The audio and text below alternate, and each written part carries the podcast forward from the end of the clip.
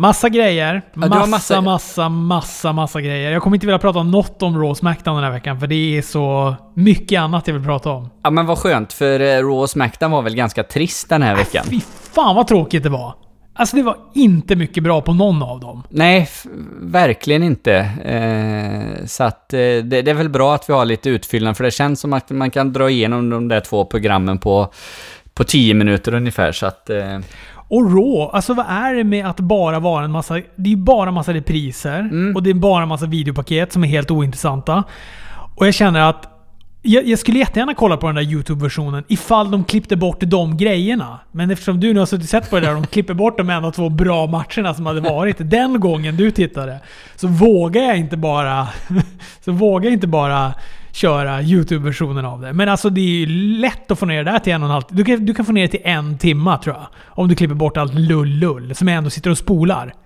Jag såg inte en, inte en sekund av den där jävla yxkastningen ska jag tala om för dig. Direkt de bara sa att det ska vara en yxkastartävling. Flög på spolknappen. Och varenda gång som de kom till... eh, de klippte in till Viking Raiders eller eh, Street Profits. Tryckte jag på spola, spola, spola, spola. Aggressivt tryckte jag på spola. ja. Skit alltså. Vad är det för skit? Ja, tre vänder eller hur många gånger var det där inslaget? Mm, Ja, inte bra alls. Och likadant den här Becky-promon, visst. eh, Och, mm, Vi såg den förra veckan. ja, precis. Det var, det var väl fint och allting sådär, men inte se den en gång till. Det här måste väl vara en fingervisning om något. Att de inte, alltså att de inte kan ha ett Raw som är tre timmar långt. Det är ingen idé. Alltså de, måste, de borde verkligen plocka ner det. Det borde inte vara tre timmar. Jag, jag hoppas att USA Network snart kommer säga åt dem. Ja, precis. Ni får inte tre timmar. Ni får bara två timmar. Jag har sett det här. Det håller inte. Nej, absolut. Eh, absolut så. Fan, jag skulle sagt något, men det glömde jag av det. Skit också. Ja, men det som jag skulle vilja prata om annat utöver det här, det är ju mycket om Owen Hart-grejen. Det har ju varit både Dark Side of the Ring, slog på det det första jag gjorde när jag vaknade i morse. Mm. Och Martha Hart var ju också med i Chris Jerichos podcast. Har du lyssnat? Nej, jag har inte lyssnat och inte sett. Så att... Eh, Se, gör i ordningen, lyssna först och titta sen. ja, okej. För jag tycker att det är, de kompletterade varandra så himla himla bra. Den podden kom väl, var det, två dagar sedan. Eh, ja, något i den stilen tror jag var. Så det kändes som en ganska bra uppvärmning att få lyssna på den podden först och så sen titta. För att podden med Martha Hart hos Chris Jericho, den var som inte egentligen sådär jättemycket om själva händelsen. Utan det var mer the love story. Martha Hart och Owen Hart. Hon pratade om hur de träffades, om deras liv tillsammans. Alltså hon har ju inte... Jag fattar det som att hon inte har träffat någon annan sen, sen Owen Hart. Ja, okej. Det är ändå hardcore kärlek på något sätt. Mm, absolut. Blev det inget med Owen, då blir det ingenting alls. Nej. Och bara det tycker jag var väldigt, väldigt fint. Nej, men, och du pratade väldigt mycket om um, men hela grejen med Vince och det där. eh, för det jag kan tycka om, om Dark Side of the Ring-avsnittet, det var också jätte, jättebra. Men jag kände ett, att det är lite för kort. Jag hade gärna velat att de skulle göra som med Benoit, att de ändå alltså, gjorde ett dubbelavsnitt av det. Mm. Eh, så det känns lite forcerat stundtals. Men två också, mycket mycket av det där har man ju hört och sett när man har lyssnat på olika poddar och sånt där. Jag vet inte riktigt vad det var som var nytt egentligen. Det kanske var... Det, det nya med det var ju att man fick se och höra Martha Hart. För hon har ju inte varit så inblandad i det här tidigare. Jag tror att Jerikos podd och sen har hon bara gjort några få, få utvalda grejer. De här andra långa grejerna man har kunnat lyssna på om Owen Hart och det, det här har ju hon, hon inte... Där har ju hon inte varit med och medverkat. Nej, okej. Och att också, det kan hända att man har hört det förut, men det har bara helt frångått mig. Men att eh, Vince McMahon stämde Martha Hart också. Jaha. Efter att hon hade stämt WWE. Men, men Det en, kan man också tycka är, är helt fittigt gjort av Vince McMahon ändå. jo, verkligen, men är inte, det, är inte det gången, är inte den som du blir stämd och kontrastämmer du och så hoppas man att det udda går jämnt på något sätt? Jag- vet inte. Jo men man kan, någonstans kan man kanske tycka att de ändå bara kan säga ja, vi är, liksom, vi är ändå orsaken till att din man har dött. De kanske bara ska ta den jävla stämningen Mm. Och försöka rida ut den. De har ju ändå sån muskelkraft med alla deras jävla advokater. Men hon beskriver det som att, att de stämde henne för breach of contract, alltså för Owens kontrakt I, så här fattar jag det som. För, för att han inte löpte hela kontraktet ut. han fullföljde inte kontraktet. Han fullföljde inte kontraktet. Sicket svin. Ja, nej. Nu kan inte jag vilka städer eller vilka delstater det gällde i, men det finns någon, del, i den, någon delstat där det här nu blev aktuella målet. Där hade Vince McMahon ingen bra historia, så han ville få då den här stämningen från den delstaten till, eh, tror jag det var Kentucky. Eller jag, vet- jag ska inte ens säga vilka delstater det var, men till någon annan delstat. Mm. Och i alla wrestlers kontrakt så står det att vid stämningar så ska de ske i den delstaten där Vince vill. Och nu stämde hon dem då i en annan delstat och då ville han stämma henne så att den skulle då kunna flytta till rätt delstat då. Så det var liksom, det var någon sorts strategiskt plan av honom då istället. Att, att göra det på det sättet. Ja, okej. Och eh, hon är ju, varit, är ju väldigt tydlig med att hon... Eh, ja, men hon vill ju inte att WWE ska tjäna en jävla spänn på en art. Och, vilket man kan förstå. Men jag har ändå varit lite så här innan. Ja, men det vore ändå kul att se honom i Hall of Fame. Och ja, det, du vet, jag har ändå varit, haft ett litet ett horn och, och ändå riktat hejarop till när... Jag vet inte om det är Brett som har sagt att hon sabbar liksom hans, hela hans wrestling legacy genom att sudda ut honom ur wrestlinghistorien. Mm. Men du vet ändå, du vet, man får se henne, man får höra hennes barn när de pratar om att han liksom inte... Alltså wrestling var liksom inte allt för honom. Utan han var så här, jag kommer gneta på mig det här nu till jag får upp en stadig ekonomi. Sen ska jag, sen ska jag börja bygga veranda och vara hemma och jag vill vara med barnen. Jag vill inte, egentligen vill jag inte hålla på med det här. Jag är inte så intresserad av wrestlingen. Mm. Och då kan jag ändå förstå henne. Hon om någon känner ju Owen Hart. Och om hon är så här, men Owen, wrestling var inte allt för Owen. Då kan jag verkligen förstå att hon stretar emot när det gäller att han ska vara med i Hall of Fame. Plus då att hon verkligen inte vill att, att Vince McMahon och WWE ska tjäna en spänn på honom. Så det är därför hon då liksom ser till att det blir inga tröjor gjorda och såna här saker. Men det var också lite intressant, för Jericho var ju så här. Jag vill ändå förmedla för henne att, att wrestlinglandskapet ser annorlunda ut nu jämfört med vad det gjorde då. För hon var så här, ibland så kommer det grejer och jag lyssnar på all, alla som vill göra grejer som har med wrestling och att göra. Jag lyssnar på alla dem. Och jag tar det i beaktning, jag bearbetar och sen fattar jag ett beslut. Men hon sa att alla de här grejerna som har kommit om att man vill hedra Owen på något sätt, det har alltid mynnat ut i att det har en koppling med WWE. Och det ska inte finnas någon koppling någonstans med WWE ifall det här ska ske. Och då liksom berättar han lite om att ja, men du vet, så här, men nu finns det ju andra ställen som inte har någon koppling med WWE att göra sådana här saker. Och, och, eh, och då, eh, när jag lyssnade på den här, då hade ju inte Pro Wrestling Tees släppt de här eh, Owen Hart-tröjorna. Och då tänkte jag så här, ja men fan, borde hon inte släppa liksom Owen-tröjor på Pro Wrestling Tees? För jag menar, alla skulle ju vilja ha en Owen-tröja. Och så tog det ju bara, vad var det, igår eller i förrgår alltså, så dök de ju upp där. Så att, eh, då fattade jag att då var, det, då var det en del av det hon pratade om. Om att det skulle komma lite eh, Owen, Owen Hart wrestling merch. Men eh, hon kunde inte säga vars och sådär än. Nej, precis. Då känns det ju inte heller helt otänkbart att kanske... Fan, AW kanske kan göra någon sorts hyllnings... Nu har ju de ingen Hall of Fame, men de kanske kan hylla eh, Owen på något sätt. Eller göra någonting där hon kan medverka, godkänna det. Eh, Jericho slängde också ut för att han var ju mycket i Japan och wrestlade, så han trivdes jättebra i Japan. Hon var med i Japan, älskade Japan och sånt där. Så att han sa typ att men ifall typ ifall New Japan vill göra en, en Owen-hedring, skulle, skulle det vara aktuellt? Och då var hon lite så här. Hon sa inte ja rakt ut, men hon sa heller inte nej som hon var med VV Att bara, där fin, det, det kommer aldrig ske. Utan där var hon mer så här, ja, jag har inte tänkt på den saken, men eh, Owen gillade Japan, jag gillade Japan, så att otänkbart är det inte. Men nu är inte det ett scenario som existerar. Nej, precis. Eh, då finns det både Owen Hart t-shirt och eh, ananas-Peter-t-shirtar på eh, Pro Wrestling Tees då. Det fin- såg du det? Att det, det var en, någon som hade länkat till Pineapple Pete.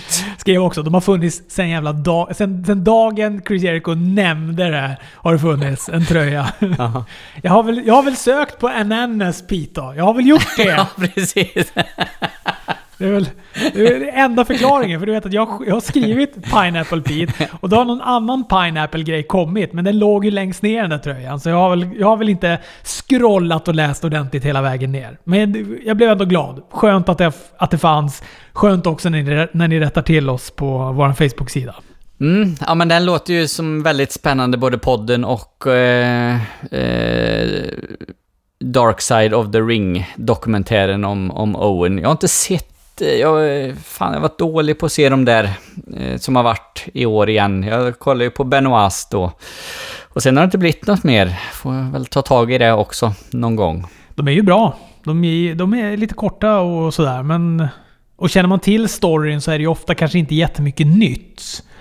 Men eh, jag tyckte också att det var kul att se lite bilder. Alltså nu eftersom Martha Hart har ändå varit med och gjort den här ihop med dem så fanns det ju hennes liksom hemmavideobilder när hon har filmat med videokameran när de går på Disneyland och såna grejer. Det var kul att se Owen tycker jag. Ja, okej. Okay. Ja, precis. Men inga bilder från WWE-tiden gissar jag. Det, för det har de väl inte... Ja, men de använder faktiskt lite bilder. De använder från Over the Edge och sånt där. Jag vet inte exakt hur de gör det där. Här i Sverige har vi ju citaträtten och kan på så sätt använda i sammanhang en, liksom, om det finns relevans kring att använda material. Mm.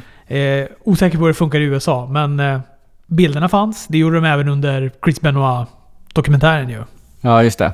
För jag vet de pratade om det, för de var ju med i Jericos podd också och pratade om de här. Och då var det ju något, jag tror det var något från första säsongen där som de ville visa vid visa eh, klipp då, men då ägde ju VV rättigheterna till dem så de fick liksom inte loss dem eller VV ja, antingen fall det kostar pengar eh, eller var för dyrt eller fall inte helt enkelt WWE eh, godkände det och ville, ville släppa det till, till dem då. För det.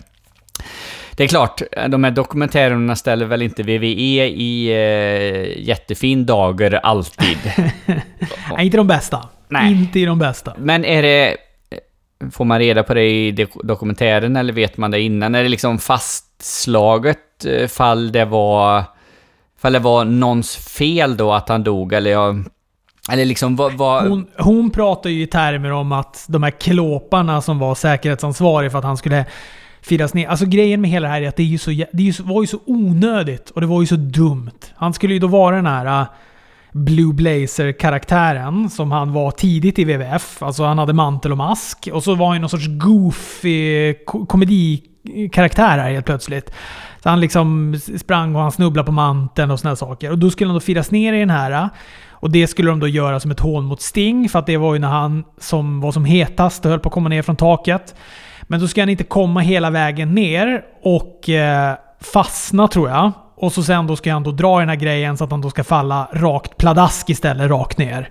Eh, så att han du vet, drattar på rumpan i sin entré och såna här saker. Mm. Det var väl liksom det som var hela tanken.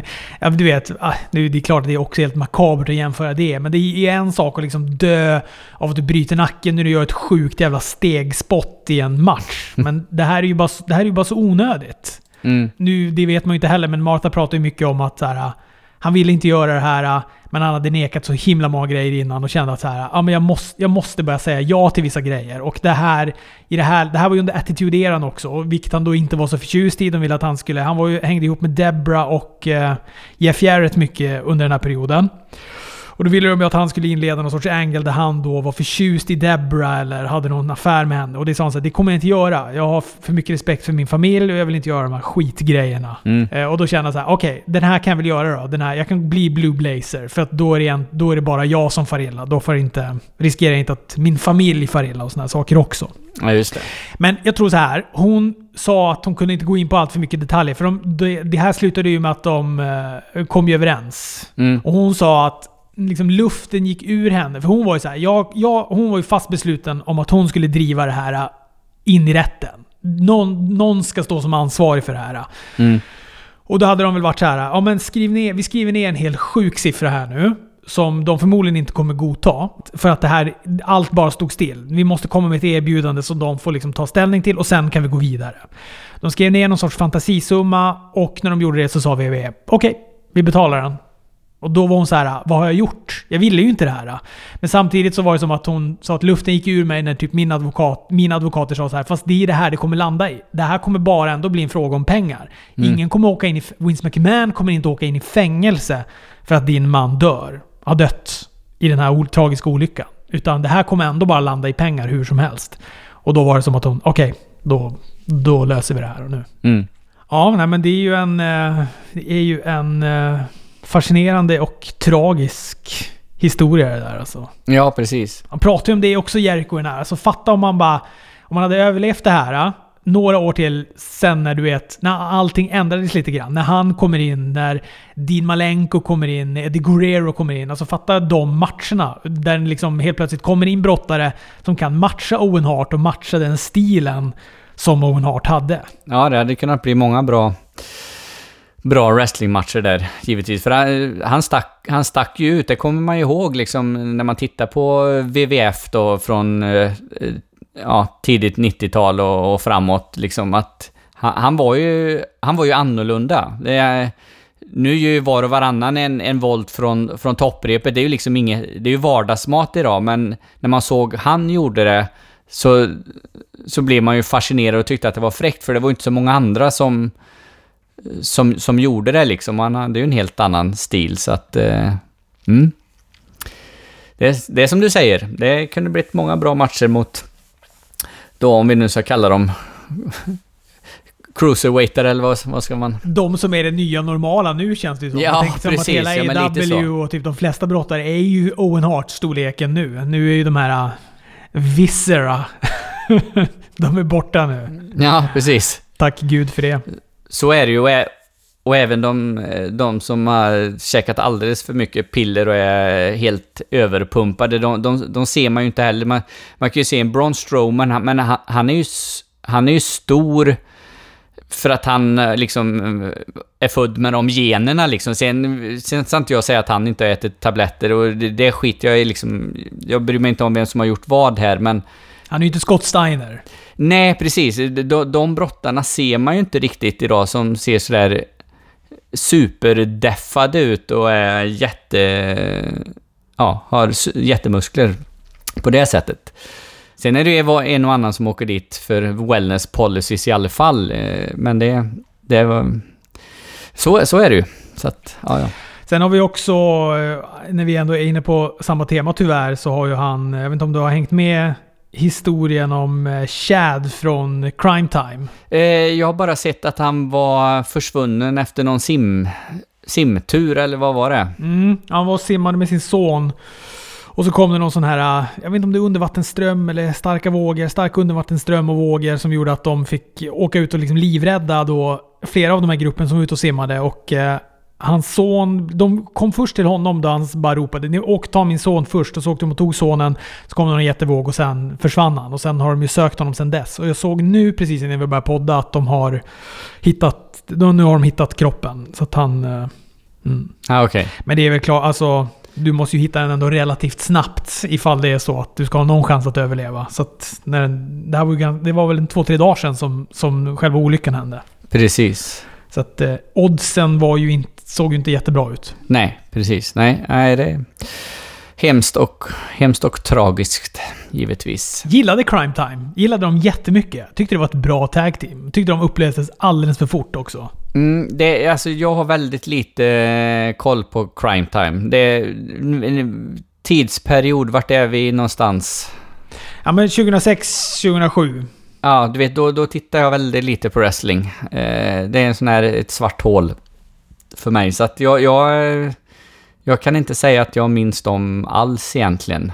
Så jag, jag känner liksom igen namnet, jag har säkert kanske sett någon match med dem, men det är liksom, det, jag har ingen relation alls så. Sen så har jag ju också... ja men det här tycker jag var lite spännande. Att The, The Revival, du vet nu kända som The Revolt. Mm. Fast nu kända som bara FTR. Okej. Okay. För att ett annat tag team som heter Revolt, de har skickat en sån här uh, Season Desist som vi fick av Sebbe här för inte så länge sedan. och bara, men hörni, det här tag team-namnet äger vi och har trademarkat. Så det var bara att ge upp det. Ja. Det var en, var en snabb, uh, en snabb stint som The Revolt. Ja, då får de... Vad, vad ska de heta då då? FTR, eh, något på R. Nej, det, det, det, får vi se. De kanske bara ska heta FTR då. du! Och sista grejen här nu. Nu har jag sett Undertaker-dokumentären. Ja. Eller de två avsnitten som finns ute. Ja, Okej, okay. jag har inte sett del två. Den har jag sparat nu till, till min lediga Kristi himmelfärdsdag. Så då ska jag titta på den, tänkte jag. Det är ju magiskt. Alltså den är ju magiskt bra. Hade du sett... Du hade inte sett första delen när vi pratade om det sist, eller? Nej, nej. Nej, nej, nej. Utan jag såg, jag klämde båda två för jag kände att jag ville ha Eh, vill ändå... Eh, nej, det kände jag inte. Jag hade bara inte tid Fredrik. Nej. Så sen såg jag två stycken när, när de båda hade kommit. I måndags kollade jag på dem. Ja. Nej fy fan, jag tyckte det var jättebra. Och nu nu kanske det är också för att jag har fått lägga ihop både ettan och tvåan där. Men jag tycker ju att det här är bättre än Edge-dokumentären och den höll jag ändå som typ det bästa, bland det bästa som jag tycker WWE har skitit ut den senaste tiden. Mm. Nej, Jag tycker den här är så bra. Jag tycker också att det är så fascinerande att se Undertaker inte som Undertaker. Alltså att de ändå gör den så här. Mm. Och att han är jävligt, jävligt självkritisk. Jag fattar också att det blir som en drog. Du vet, man sitter där och pissar på att han kommer tillbaka gång efter gång efter gång och sådär. Men, men att det är så här. Men att det blir som en drog på något sätt. Och att han säger okej men nu gick jag en match, den blev inget bra. Men då får jag göra en ny match. Så att jag ändå kan, så att jag ändå kan känna mig nöjd. Och så kanske inte den blir så bra, men du vill ändå göra en ny match. Sådana här saker. Jätte, jättebra var den. Ja, nu har inte jag sett del två, men det jag tyckte var så himla fascinerande, det var ju hur, eh, hur jävla skadad eh, eh, han har varit, men framförallt den smällen han åkte på när han gick mot Brock Lesnar.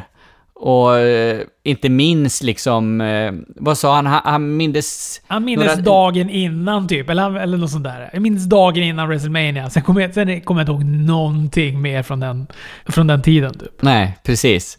Och läkarna, läkarna på sjukhuset frågar vad heter du? Och han viskar lite till, sin fru liksom, eh, eh, vad, vad, vad heter jag? kan, du, kan du hjälpa mig? Ja, ja ver, Det är verkligen. läskigt. Ja, Det var, var det någon domare som stod där bak också när han kom bak efter matchen? Som hade bara sagt så här, han kom liksom och log och så sa han typ så här, hur är läget? Man bara, det är ingen hemma. det är ingen hemma där bakom. Han är så borta just nu. Det är ju fascinerande att han liksom klarar av att, att göra färdigt matchen. Eh, så, men eh, ja. Ja, nej, men det där kommer bli... Jag är jätteglad att det är massa fler avsnitt att se också. Det som jag tyckte var i andra... Här, nu är det ingen spoiler på något sätt Fredrik, så att du behöver inte... Du behöver inte känna dig stressad här. Men, men det som jag tycker är är fascinerande i andra, och som jag också blir ömmar väldigt mycket för, det är han och Vince McMahons relation. Mm. Jo, men det fick man ju se lite redan i första när Vince åker efter honom i, till sjukhuset där och, och sådär. Så att... Eh, ja, men de, de spinner vidare på dig i tvåan alltså. Ja, men det är mycket så här att Undertaker alltid har varit där. Och att han, du vet, från, från du vet, starten och så genom hela Monday Night Wars-grejen, aldrig lämnade, alltid så här superlojal, supertrogen. Verkar ju vara liksom en sån stor betydelse också för hela rosten, backstage-ledare och såna här grejer. Vid, vid ett segment så ber han, eh, ber om Vince... Ja, de, bara ställ, de sitter och pratar med Vince och så säger de vad Undertaker betytt för dig? Och då bara... Det är som att någon bara har typ spolat Vins ögon med vatten. Han, det börjar bli helt... Det börjar bli bara vatten i ögonen. Och så gör han bara du vet så här cut it off-tecknet. han- Handen över halsen. Och så säger han bara Mm. Nej, stäng av. Gå, in, gå inte där. Jag kan inte prata om det. Jag kan inte, jag kan inte prata. Nej. Och så slutar de. Så det är ju... Mm. Ja, det är en fascinerande relation alltså. Ja, nej, men det ska bli kul att se fortsättningen på, på Undertaker-dokumentären. Ja, ska vi ta de här två? Jag känner att jag har pratat så jag känner mig hes, Fredrik. Ja, men det är bra. Du har eh, fyllt 30 minuter nu av det här, eh, avsnittet. Nu kan vi med gott samvete bara riva av Raw och Smackdown här på en kvart. Vi har ju snackat om korta och långa matcher. Eh, den första matchen här på Smackdown, den var väl alldeles, alldeles för lång. Nu hoppar jag lite ser jag, för det var visst ett Miss TV där först med Otis som, som, som gäst. Jag vet inte, vill du säga något om det? Jag tyckte att det var pissdåligt eh, avsnitt. Det här jävla mobbing high school angles som VV... Man är så trött på de där grejerna. Man ska ju likna sig med Shrek och sånt där. Man bara... Det är också det är så okreativt och det är så dåligt så det finns inte. Det enda som jag tyckte var roligt där, det var att Otis använde den här Money in the Bank-väskan som lunchväska. Det tyckte jag i och för sig var kul. Att den fick extra knäcka som det. Det sa han ju själv att han Ja, körde jo. mat i den där. Det, det, det kan man ju tycka är kul, men liksom det, det ändå peggar dig upp för alla de här tjockisskämten och eh, allt vad det nu var. Liksom, alltså det, det är inget som går... Det, det, det är liksom så enkelt. Vad säger man inom, inom stand-up-branschen? Att det, ett, ett skämt är ett hack. liksom. Skämt om flygplansmat, alla gör det liksom. Sluta med det, det är ett hack-skämt. Det, det är ungefär samma stil med detta. Sluta med det, ni har gjort dem. Det är liksom, det finns... Det, det, är inget nytt, det är inget nytänkande, det är bara tråkigt. Nej, men det var ett uh, uselt eh, segment. Det var det. Och som du säger, den där inledningsmatchen där då. Elias mot King Corbin. Först ut i interkontinentaltitelturneringen. Den höll ju på för evigt, den matchen. Ja, den var ju alldeles, alldeles för lång och urtrist verkligen. Elias gitarr mot ringstolpen eller Corbin slår sönder Elias gitarr mot ringstolpen. Det ger då Elias lite, lite ny energi som hoppar in ett knä, gör en small package och vinner den matchen. Så han har ju då avancerat i interkontinental titelturneringen. Han lär väl åka ut mot AJ Styles sen i någon semifinal. Nu har ju inte AJ Styles gått sin match, sin kvart än, men jag tänker mig att det är han som vinner den.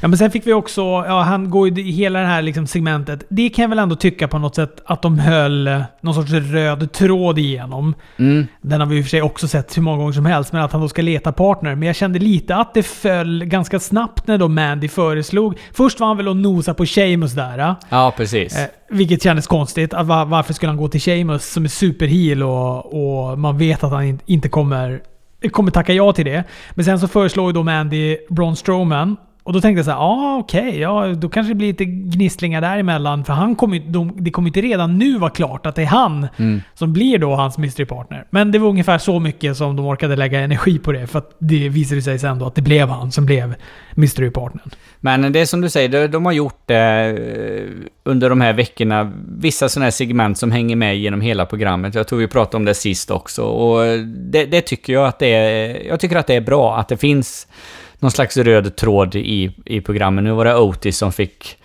köra den denna veckan och nästa vecka är det någon annan. Men själva, själva grejen gillar jag. Eh, så.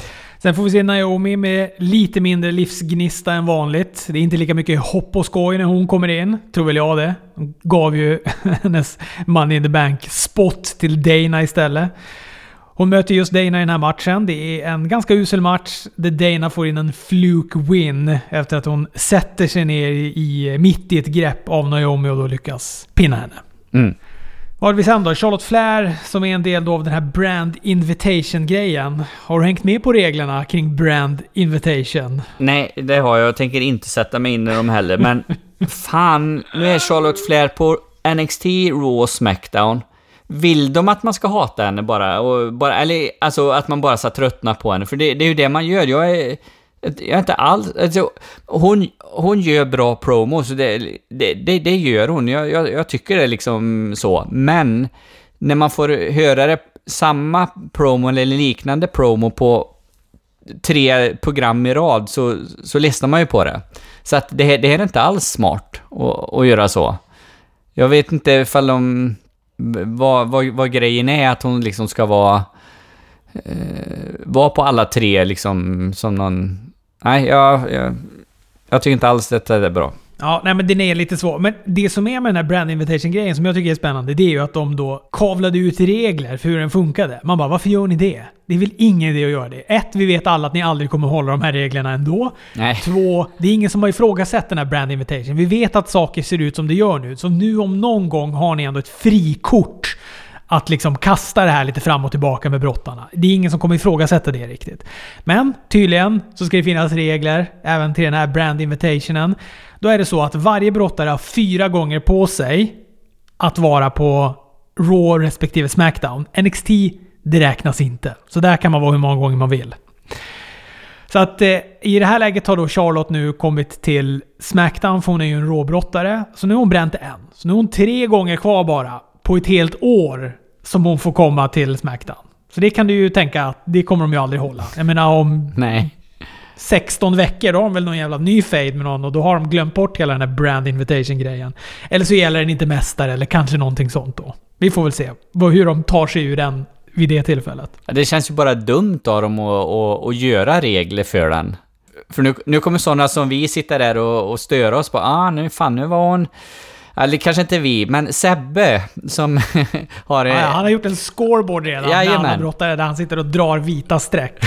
ha, en pinne på Sasha, en pinne på Corbin. Mm. Nej, han kommer ha stenkoll på det där. Ja, absolut. Vi kommer ha glömt det. Nä, till nästa podd har vi glömt det här. Jajamän, så, så är det ju. Så att Ja, men här är, ju, är hon ju då inne i alla fall. Hon ber Bailey och Sasha komma in. Eh, och... och ehm, Ja. Nej, kanske hon inte alls gjorde. Jo, men det gör de ju. Och de, och de fortsätter ju på det här med liksom att, att slå in den här kilen mellan eh, Sasha och Bailey där. Eh, och hon säger väl typ att eh, är du nöjd med att vara hennes lakej eller ja, sådär. Ja, men just det. Hon, hon, eh, de kommer in i alla fall när hon står och snackar och så... Då är det som att hon riktar fokus mot... Eh, jag trodde att hon skulle rikta fokus till Baileys nya näspiercing, för det, jag kunde inte släppa den. Men, eh, men hon riktade ju fokus istället då till Sasha Banks och frågade då om hon var nöjd med att stå liksom snett bakom Mm. eh, Bailey. Eh, om det, hon var nöjd med sin position som snett bakom Bailey. Och eh, det känns väl som att upplägget flyttar lite dit då mellan de två. Och det är i och för sig inte riktigt mig emot. Jag tycker att de har gått väldigt, väldigt bra matcher ihop. Sasha Banks och Charlotte. Så att det är väl något positivt med det här i alla fall. Fast ändå så måste det ju bli någon match framöver mellan Bailey och Sasha också när Bailey, eller när Sasha snear till på att Bailey stör henne hela tiden eller avbryter och hon får aldrig... ja, hon pratar i hennes ställe. Det tycker jag är bra. Jajamän. Ja, så jävla irriterande. Verkligen. Eh, så, så att... Eh, mm, ja, vi får se. Sen får vi faktiskt en bra match tycker jag. Eh, Daniel Bryan mot Drew Gulak i den här interkontinental titelturneringen då. Mm, jag tycker det är trist att Drew Gulak inte är med längre. Att, det, att han bara försvann sådär. ja, precis. Ja, ja. Men så är det. Nej, men jag håller med. Det var en bra match. Det var, det var mycket, mycket grappling. Eh, så. Mora-wrestling eller vad vi nu vill kalla det, men... Eh, Han gjorde någon Michinoku Drive-variant där, alltså som Brian tog eh, rätt på huvudet. ja, just det. Osäker på om det var meningen eller om den tog illa, men eh, han tog ju sig direkt på huvudet också, Daniel Bryan, efter han hade landat, vilket gjorde att det kändes som att det var en, en miss. Ja, precis. Och det är likadant, den här, eh, börjar vi gnälla på dem, men den här, de gjorde någon he- heel hook på slutet, han gjorde den två gånger, Daniel Bryan på Gulak. Den såg inte riktigt synkad ut heller, jag vet inte sjutton fall de... Var det när han vred, alltså när han misshandlade menisken i knät eller? Ja, precis. Han, stod först... ju höll, han hade ju något move där han höll i benet på Gulak och så vred han upprepade gånger så att liksom menisken var det enda som fick ta stryk. Ja, men det, det ser ut som han gör en sån dragon screw eh, historia där. Men den första så ser det ut som de missar den helt och sen ska han göra den igen, men den ser väldigt avig ut. Så att, eh, ja, jag, jag vet inte riktigt ifall de verkligen fick till det så som, så som det var tänkt, men ja, ja. Han rullar ju sen upp Gulak i en sån bensubmission och krokodilrullar han några varv och sen så tappar Gulak ut. Ja, precis. Och så kramas de lite efteråt. De är fortfarande polare, vilket jag tycker är, är bra. Jag, jag vill se dem mer som tag team eh, faktiskt, men Sonja Deville klipper en av de bästa promosarna på, ja, jag vet inte, väldigt lång tid tycker jag. Jag tycker hon är så bra. Ja, hon är fan, hon är så bra Fredrik. fan vad bra hon är. Nästa vecka får vi då en mixed tag team match den där som vi ändå har mm, tänkt att den ska komma alldeles snart. Eh, mixed tag team match då mellan eh, Sonja och Dolph mot Mandy och Otis. Alltså, det, det är ju fyra bra brottare, så att egentligen på pappret så skulle den ju kunna bli bra, men när vi vet tyvärr har de här mixed tag team-reglerna att tjejer brottas mot tjejer och killar mot killar, så tar det ju bort lite utav... Det blir liksom två singelmatcher som löper parallellt med varandra på något sätt, så att... Eh, därför så tror jag inte att den blir så där himla rolig egentligen. Som den skulle kunna blivit om de hade gått en, en regelrätt tag team-match. Eh, Den hade nog kunnat bli, eh, bli, bli, bli klart bättre i alla fall, men ja, ja. Vi avslutar då med Miss och Morrison och... Eh, eller mot Otis. Fan, jag är med mig idag. Jag är så jävla dålig. Vi avslutar då med Miss och Morrison mot Otis och Mystery Partner som då blev Braun Strowman. Ingen överraskning där alltså överhuvudtaget. De gör lite dubbel moves. En caterpillar bland annat. Strowmans mask är ju under all kritik. Det är två armhävningar. ja. ja, den var usel bara. Och Morrison de har övertaget på Otis. hindrar han från att tagga. Till slut så sätter han då en dubbel suplex och får till en tag till Strowman som gör sin grej. Det vill säga tacklar och springer runt ringen. Ryter gör han också.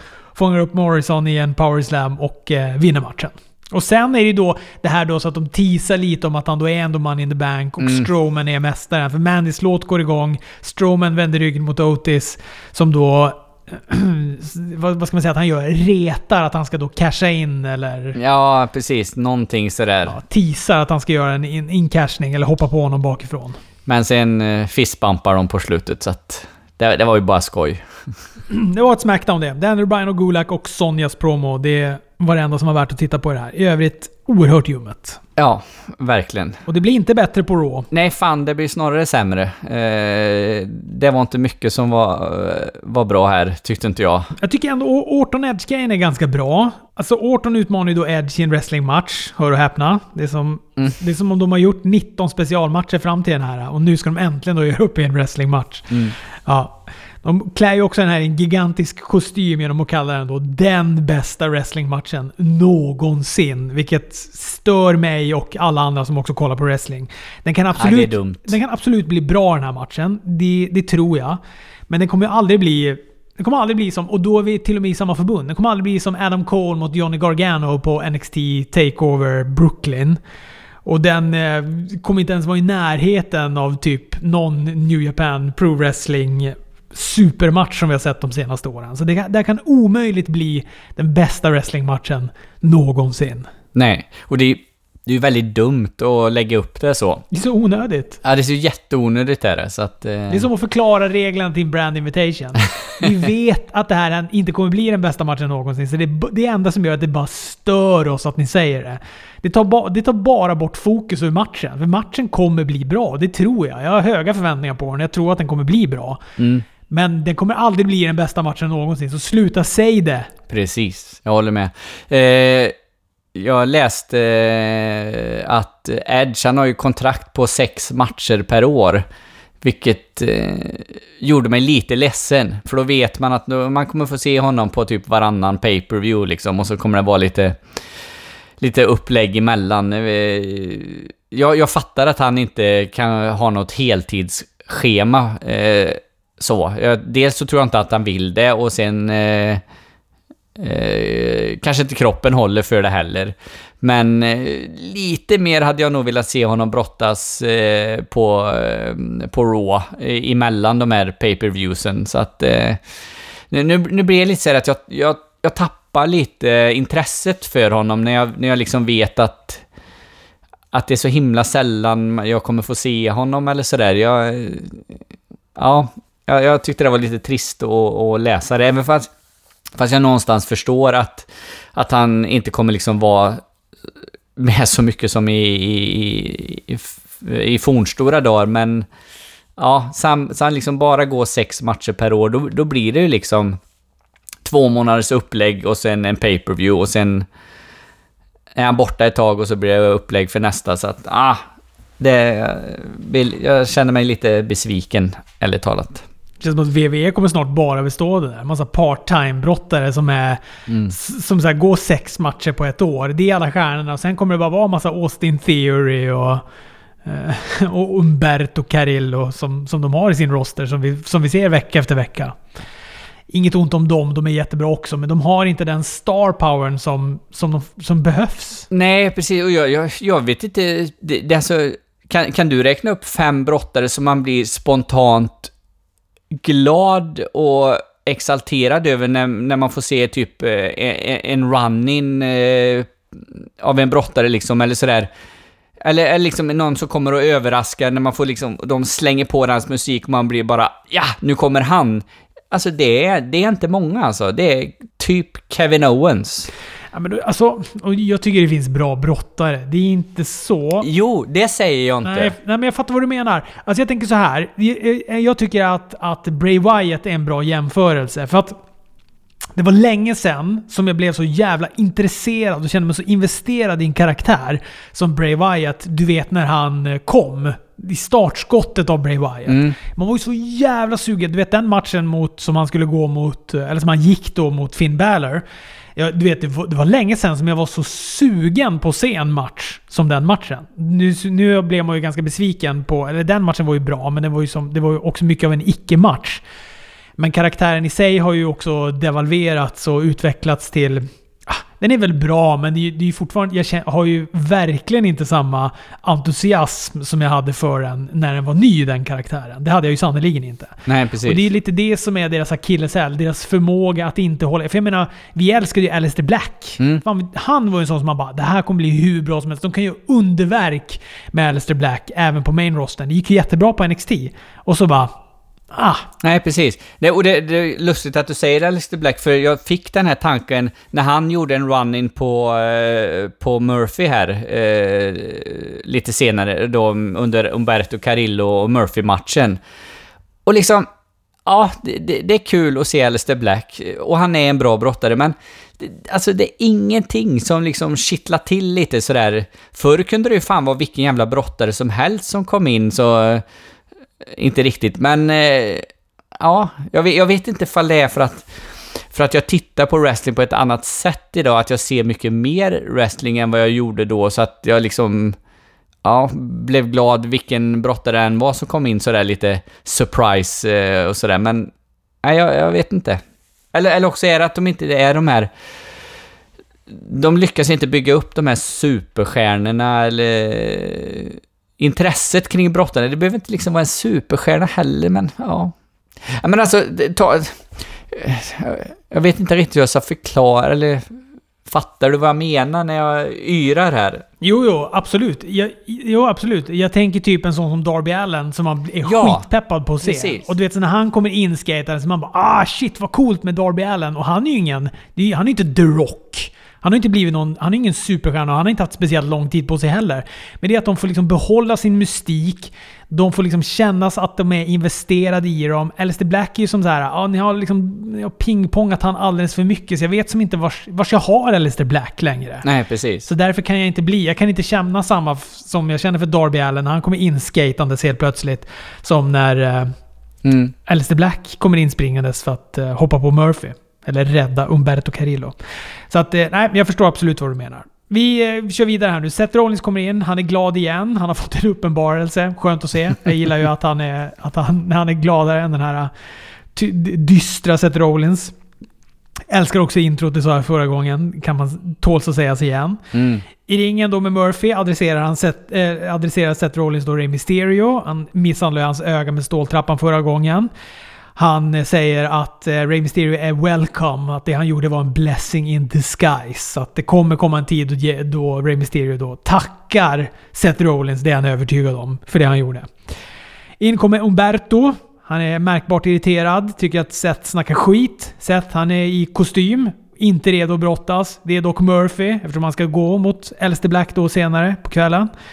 Så det blir match mellan Umberto och Murphy. En kort, ganska så bra ändå, det lilla vi får se. Murphy vinner ju då efter att Umberto blivit utstirrad av Seth Rollins.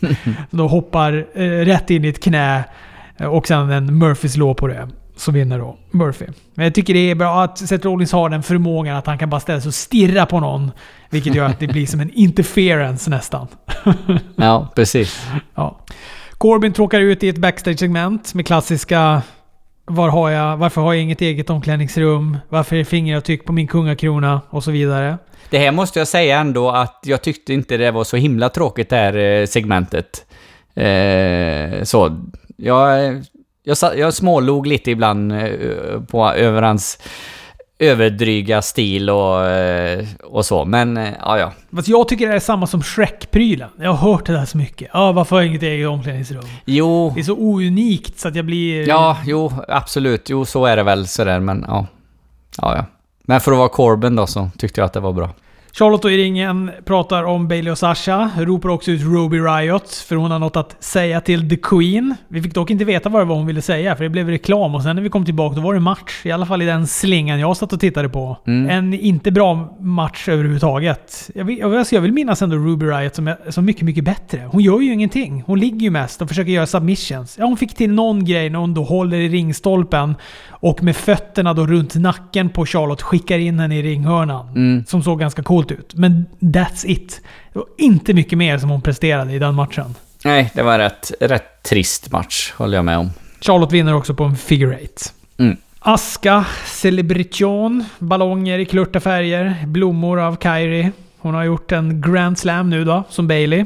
Fast Aska har ju också vunnit Royal Rumble, så den Grand Slammen borde ju vinna lite, lite högre tycker jag än, än Baileys. Ja, precis. Kyrie börjar lira lite tvärflöjt. Eller om den var rak. Kanske var en rak flöjt. Ja, jag vet det, inte. Det var, det var en blockflöjt. Blockflöjt ja. Vad du kan Fredrik. Mm.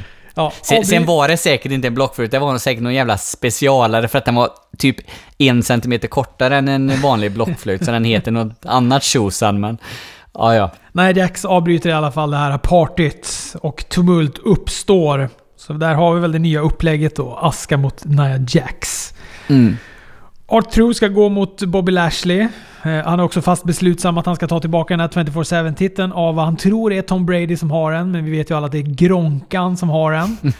Truth växlar mellan att vara den här uh, Pretty Ricky, var det så han hette eller? Ja, precis. Ja, löständerna åker in. Han ser för jävlig ut. Det har dock inte mycket effekt på Lashley ifall det är Pretty Ricky eller Art Truth han möter. Han spöar upp han både innanför och utanför ringen. Vinner på en full Nelson. Var det efter denna matchen, eller var det tidigare, som Lana får något jävla utbrott? Jag, jag fattar riktigt inte vad hon... Jag tror att det var efteråt. Grejen var jag hoppar lite här, men det är för att jag, det är alla de här äh, backstage-segmenten som jag inte orkar gå igenom. Men det, Lashley stod väl i början och pratade med, eh, med MVP. Och så sen så här efteråt så eh, kommer ju MVP ut, eller om han bara står där på, på och tittar. Han är i alla fall, man märker att MVP, han är sugen på Lashley.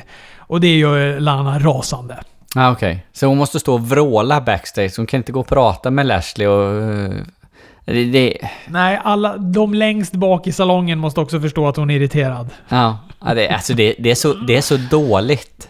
Ja, det, det är så dåligt. Sen får vi in Iconics. Jag har ändå saknat Iconics också. Fan, de är roliga. Jag skrattar varje gång de kommer in och kör sin grej. Det är, jag har tjatat om det tidigare. Det är, det är inte att jag bara försöker reta dig Fredrik, eller att jag försöker vara ironisk på något sätt. Men deras förmåga, alltså deras karaktärer är... Ja, de är... Spot on. De är så bra. De gör det jätte, jättebra. Skrattar flera gånger. Det är alla de här små detaljerna de gör som jag tycker är så bra. Brottningen är inte då jätte, jättebra. Här går de ju då en match mot Bliss och Cross om titlarna. Eh, Peyton sular in eh, Bliss eh, en gång för mycket i ringhörnan, vilket då diskvalificerar Iconics. Oroväckande scener också efteråt när Billy Kay då flätar till Peyton.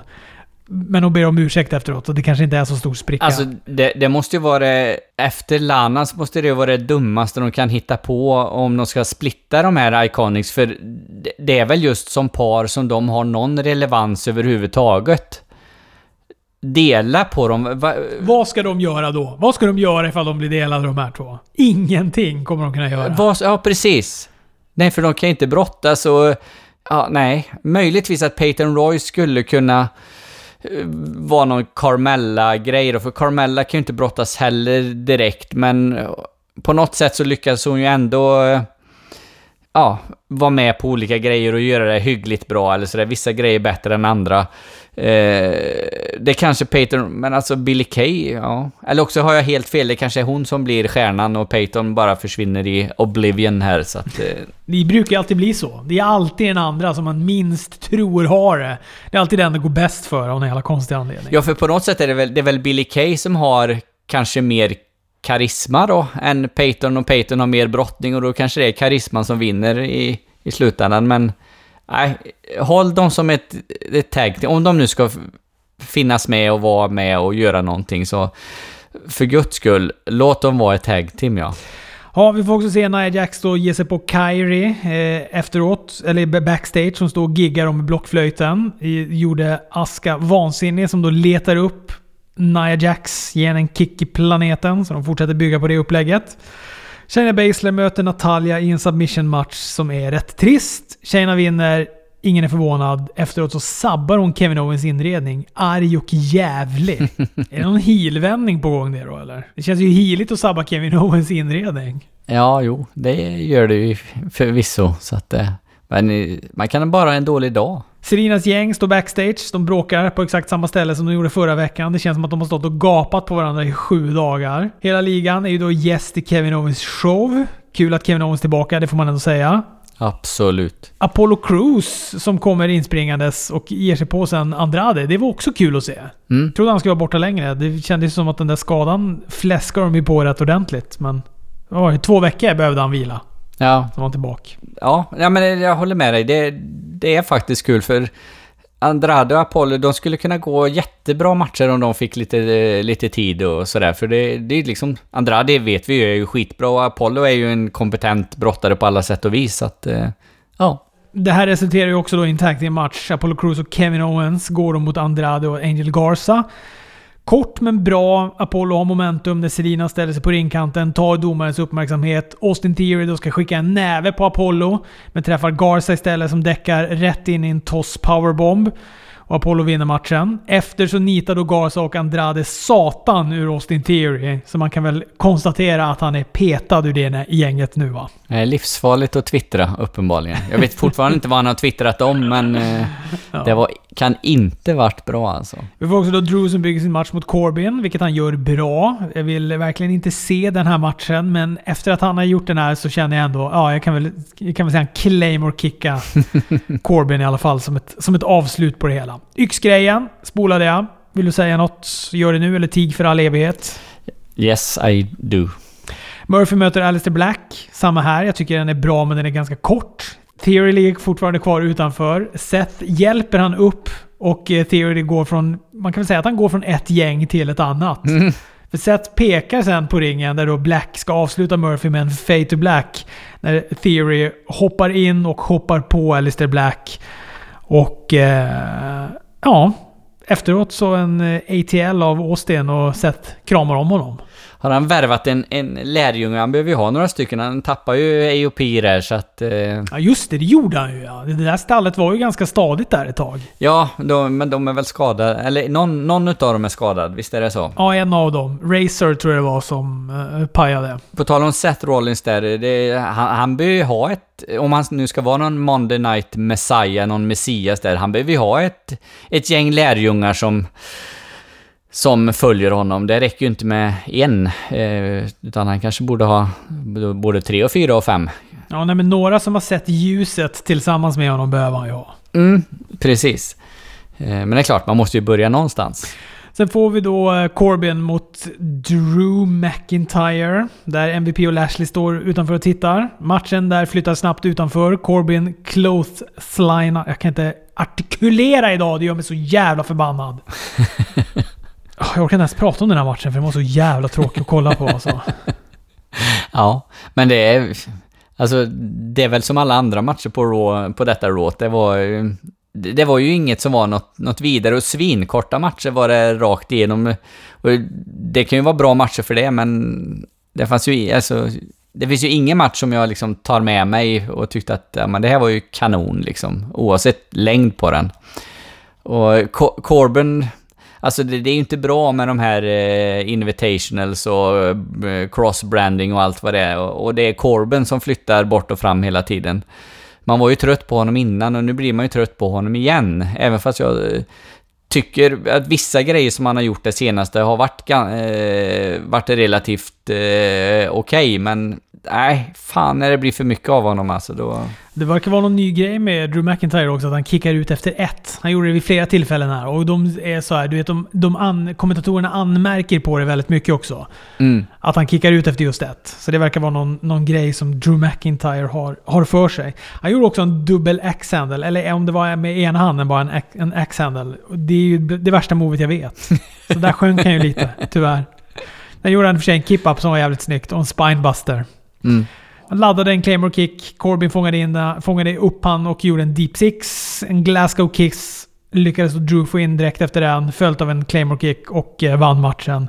Och efteråt så står då Lashley och spänner sig på utsidan. Han vill in, men MVP hindrar han pekar på klockan. Antingen så har de bord någonstans, eller så menar han då att allt har sin tid. Mm, Förmodligen det sistnämnda. förmodligen. Åh, kan vi bara avsluta det här nu?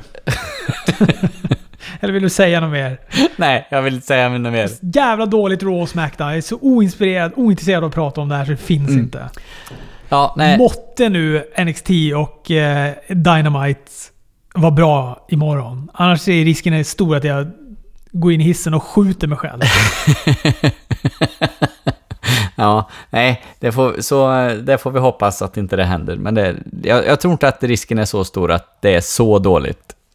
Jag tror det till och med kommer vara, jag tror det till och med kommer vara bra, både i, i AW och eh, NXT, så att vi, vi kan vara lugna.